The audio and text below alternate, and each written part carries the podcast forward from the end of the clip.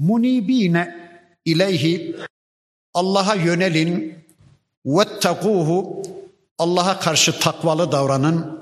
Allah karşısında kulluk bilincinizi takının.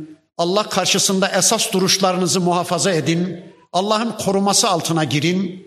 Hayatınızı Allah'a sorarak yaşayın. Allah'ın beğenisine bir hayat yaşayın. Vettekuhu ve akimus salate bir de namazı ikame edin. Namazı ayağa kaldırın. Namazı yerlerde sürünmekten bir kurtarın.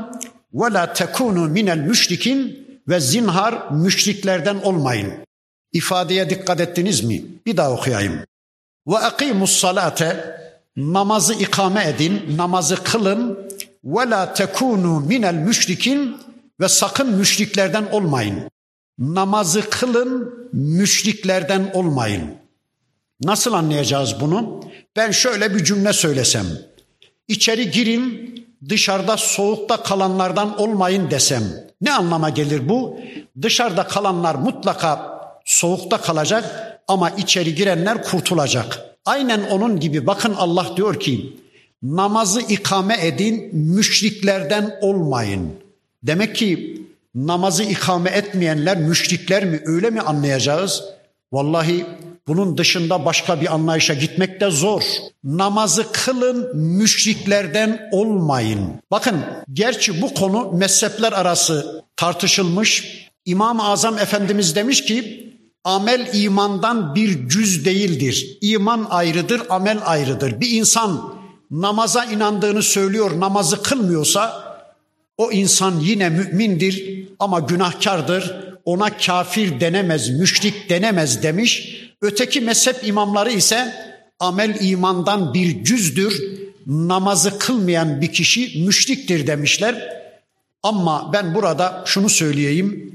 Bu ayeti kendimize uygularken kılı kırk yararcasına ürperelim, korkalım, titreyelim. Namazı bir mazeretimiz yokken terk ettiğimiz zaman şirke düşeceğimiz endişesini taşıyalım. Ama karşımızda bir muhatabımız namazı kılmayınca da hemen ona kafir ya da müşrik demeyelim. Yani eylemin küfür ve şirk olduğunu bilelim ama o eylemi o eylemin sahibiyle bütünleştirmeye gelince orada durmasını bilelim.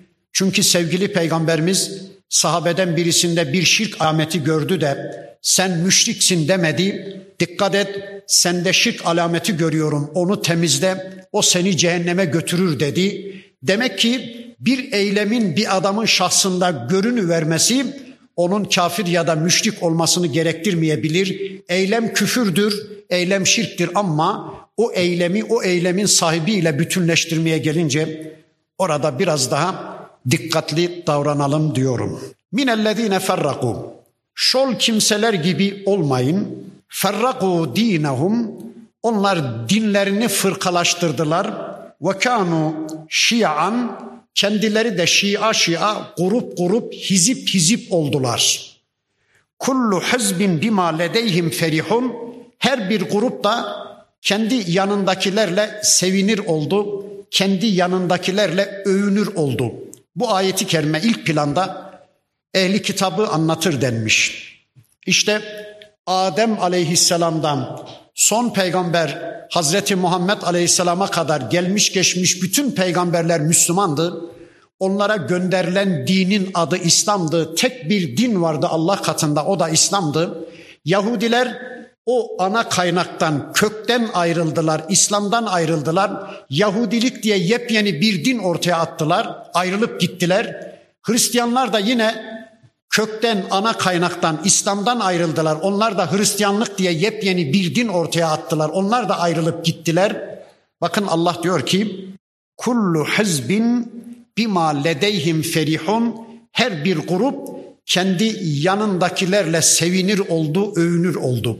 Nasıl? Yahudiler dedi ki bizim Musa'mız var, bizim Tevrat'ımız var. Peki ötekiler ne oluyor? Öteki kitaplar kimin? Onlar bizi ilgilendirmez. Hristiyanlar dediler ki bizim İncil'imiz var, bizim İsa'mız var. Peki öteki elçiler ne oluyor? Öteki kitaplar ne oluyor? Onlar bizi ilgilendirmez dediler. Her bireri kendi ellerindekilerle övünmeye, kendi yanlarındakilerle sevinmeye başladı. Her bireri parçayı bütün sandı, parçayla övünmeye kalkıştı. Onları anladık. Ama İslam ümmeti de kitabı parçaladı, dini parçaladı Allah korusun. İslam ümmetinin içinde cemaatler her bireri kitabın belli ayetlerini bayraklaştırdı. Kimi Müslümanlar zikir ayetlerine sarıldı. Sanki Kur'an'da sadece zikir ayetleri var da başka ayetler yokmuş gibi sürekli zikir ayetlerini gündeme getirdi. Kimi Müslümanlar tekfir ayetlerine sarıldı. Kur'an'da 50-60 kadar ayet vardı. Onları cımbızla söktüler Kur'an'dan. Gece gündüz o ayetleri öğrendiler. Onları okudular, onları tartıştılar, onları konuştular. Kimi Müslümanlar cihat ayetlerine sarıldı. Kimi Müslümanlar ve men lem yahkum bima enzelallah ayetlerini bayraklaştırdı. Allah'ın indirdiğiyle hükmedenler, hükmetmeyenler ayetlerine sarıldılar. Kimi Müslümanlar zikir ayetlerine sarıldı. Kimi Müslümanlar iman ayetlerine sarıldı. Kimi Müslümanlar Darul Harp ayetlerini gündeme getirdi. Böylece her bir grup kendi ayetleriyle övünür oldu.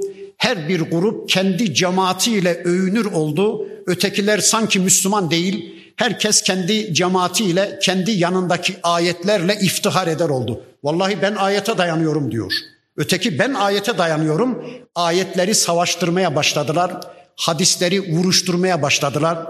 Bu güzel bir şey değil. Halbuki cihat ayetleri ne kadar önemliyse namaz ayetleri de en az o kadar önemlidir. Tekfir ayetleri ne kadar önemliyse oruç ayetleri de o kadar önemlidir.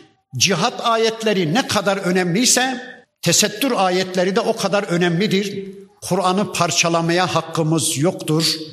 İşte Rabbimiz bu ayeti kerimesinde siz öyle olmayın, siz öyle yapmayın. Eğer kitabı parçalarsanız kendinizi de parçalarsınız.